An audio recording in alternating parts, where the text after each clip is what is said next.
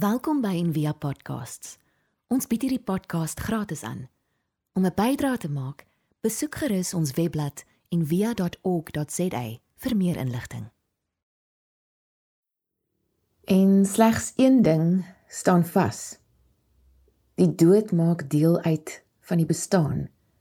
Soos die stilte deel uitmaak van die woord en die woord van die stilte soos die tyd deel uitmaak van die ewigheid en die ewigheid ondenkbaar is sonder die tyd.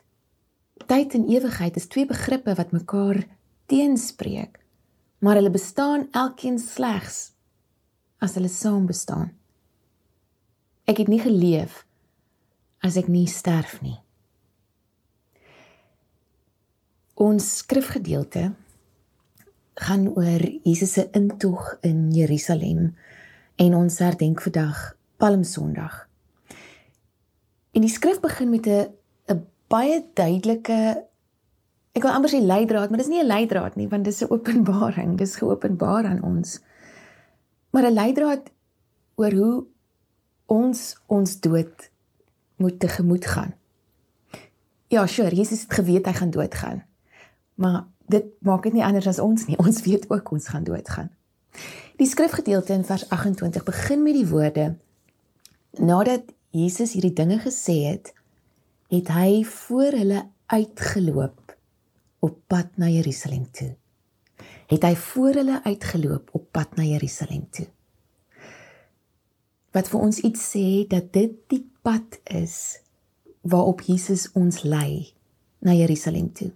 En op daai oomblik het sy volgelinge gedink hy gaan nou sy groot triomfantelike aankondiging as die koning van hierdie koninkryk van God aankondig. En classic Jesus kom hy in op 'n geleende donkie sonder enige fanfare. Jerusalem was die plek waar baie um, pelgrimstogte heen gegaan het, die die die eindpunt van die pelgrimstog. En 'n pelgrimstog is um seker maar daar om om iets van God se teenwoordigheid te ervaar, om God meer tasbaar te ervaar, om om dalk 'n hoendervleis ervaring met met God te hê. En dit is Jesus se intog na sy groot my God, my God, waarom het U my verlaat? Nog 'n nog 'n openbaring ehm um, van die pad wat min loop voor hulle dood. Om ten spyte daarvan, om ten spyte van die oënskynlike afwesigheid van God steeds in sy teenwoordigheid te wandel. Om so intiem met God om te gaan, ehm um, dat mens iets kan uiter soos my God, my God, waarom het U my verlaat? My God, my God. En dan aan die einde van hierdie teksgedeelte sê die fariseërs vir Jesus: "Meester, meneer, maak stil u volgelinge." En hy antwoord: "Dit sê ek vir julle, as hulle stil bly, sal die klippe uitroep." In die gedig wat ek getoon het, het wat my sussie geskryf het, um die klank van klip wat in die wees sy lof laat glip. Nog 'n 'n wenk of dan eerder 'n openbaring van van hoe die pad wat min loop op pad na die dood lyk in die wees wat in die wees sy lof laat glip. So die die die klem van hierdie intog in Jerusalem van Jesus lê in wees en in hoe ons waarde beskou. sien ons waarde as waardigheid sukses agting skares mense van vare akkolades of sien ons waarde as iets dieper as dit wat 'n mens doen of dit wat jy besit of dit wat ander mense van jou sê. Die titel van hierdie van ons tema vandag, die die pad wat min neem voor jou dood is is dalk misleidend want ons almal stap die pad. Almal se lewens hang aan 'n draadjie. die die lewe soos iemand gesê het is 'n one way ticket.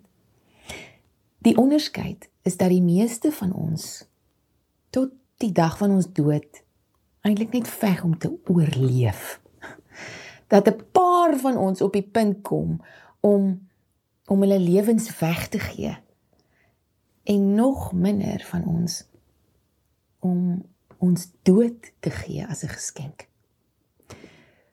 Ronald Rolheiser skryf in 'n in 'n fascinerende artikel um Insane for the Light wat kom uit 'n gedig van van Goethe, The Holy Longing.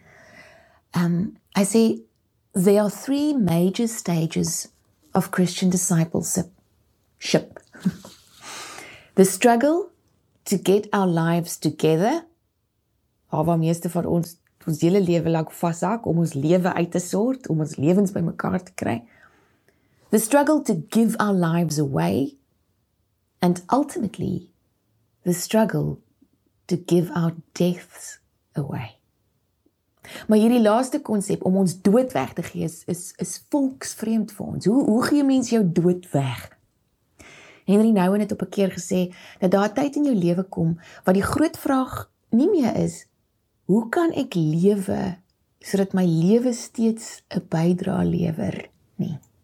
Die vraag word eerder hoe kan ek leef sodat wanneer ek sterf my dood 'n wonderlike seën is vir my familie, my vriende en die die kerk en die wêreld.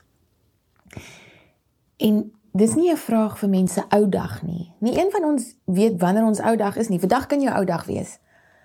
As jy in terme van van ehm um, jare dink. Ons weet nie hoeveel minute, hoeveel dae, hoeveel jare voor voor ek die die tydelike met die ewige verwissel nie. Jesus het vir ons 'n dubbele geskenk gegee. Sy lewe en sy dood. Ons bondel baie keer die twee saam terwyl dit eintlik twee goed is. Jesus het sy lewe vir ons gegee op een manier deur sy aktiwiteit, deur dit wat hy gedoen het, deur deur sy dade. Hy het sy dood vir ons gegee op 'n ander manier deur sy passiwiteit. Sy passie, sy lydsaamheid, sy lyding, sy gelatenheid wat kom uit diep worstelings teen sy Vader se bors. Sy oorgee wat die teenoorgestelde van opgee is. Sy aksie en sy passie. As ons dink aan aan oud word, ehm um, die die lewensverwagting lees ek is nou ek dink omtrent 34 jaar gemiddeld meer as wat dit was vir ons groot grootouers. Ehm um, En tog dink ons nog steeds aan aan die lewe as 'n koepel. Jy jy piek hierso by jou, ek weet nie. Ek was definitief al verby dit. Hier by jou 30s of somewhere of eintlik waar jy dink waar jy op die oomblik is, dink jy piek en dan dan dan gaan dit so af. En ehm um, Una vertel my toe van hierdie uh TED Talk van Jane Fonda wat sy noem uh, life's third act die lewe se derde toneel. Ehm um, wat is wat baie mense nou al is. Ehm um, en dan sê sy dis nie 'n voetnota nie. 'n Mens se gees in teenstelling met alles anders op hierdie aarde wat onderhewig is aan die die gemeenskaplike heelal wet van dat alles mettertyd um, agteruit gaan en verrimpel en uh verrot en en en vernietig word neerdal afsak. 'n mens se gees kan opgaan en en en upward ascension wees. 'n mens se gees is nie onderhewig aan hierdie universele wet van van verrotting nie. Um because het gesê it it takes a long time to become young En in hierdie hierdie TED Talk praat Jane Fonda toe van Neil Sellinger. En dis eintlik dit was eintlik die waarde vir my gewees aan die hele aan die hele talk. Nou Neil Sellinger ehm um, was 'n 'n suksesvolle afgetrede prokureur. Hy was in staat in op 54 om om af te tree. En toe het hy begin ekstra klasse aanbied by die hoërskool. Hy het gevolonteer by 'n sopkombuis en hy het ook ingeskryf vir 'n vir 'n skryfkursus. Maar sy nuwe lewe het nie lank gehou nie. Terwyl hy basketbal gespeel het, het hy agtergekom hy hy val sommer oor sy voete vir geen rede nie. Hy het um gevoel daar onwillekeurige twitching in sy arms en bene is. En die diagnose toe gekom 2 jaar na hy afgetree het. Hy hy was gediagnoseer met ALS wat um, bekend is as die Lou Gehrig's disease. Nou dis 'n aaklige siekte en is fataal. Dit dit, ver, dit vernietig die liggaam heeltemal, maar die brein bly nog intakt. En kort voor lank was die ambisie en energie van hierdie man wat maratons gehardloop het en 200 Bruce Springsteen konserte bygewoon het, soos 'n blur in die wind. Dit was aaklig uiteraard. En tog sê hy, was dit nie. Daar het mense rondom hom saamgetrek wat kom kook het, wat die wat die hond gevat het vir 'n stap, wat hulle rondgery het. Hy het nog nooit soveel vrygewigheid en eenheid ondervind nie. En sy skryfmentor vertel hoe sy skrywery na mate hy sy prokureursstem verloor het, um al beter geword het. Hy het stukke in sy kop geskryf en dan voor 'n rekenaar gaan sit en um die rekenaar het geleer om te reageer op sy op sy blik. Hy staar na die rekenaar en die woorde verskyn. Eers op die monitor en daarna hardloop en hardop in die rekenaar se blikstem. En In hierdie artikel skryf Neil Sellinger die volgende: As my muscles weakened, my writing became stronger. As I slowly lost my speech, I gained my voice. As I diminished, I grew. As I lost so much, I finally started to find myself. As I lost so much, I finally started to find myself. En dit is wat Jesus vir ons kom wys op hierdie pad voor die dood. Jesus het nie gekies om dood te gaan nie. Jesus het gekies om aan te hou lief hê en in die proses dood te gaan. Catherine Keller skryf dit so: Jesus did not choose to die, but he chose to persist in love and his loving led to his dying. Mag die die min wat hierdie nou pad loop ons ons inspireer om ja, ons lewens agter mekaar te kry. Dis goed. Dis oukei okay, om ons lewens uit te sort maar dit kan nie daar stop nie. Om dan ons lewens weg te gee dis nog beter. Maar wag daar's meer.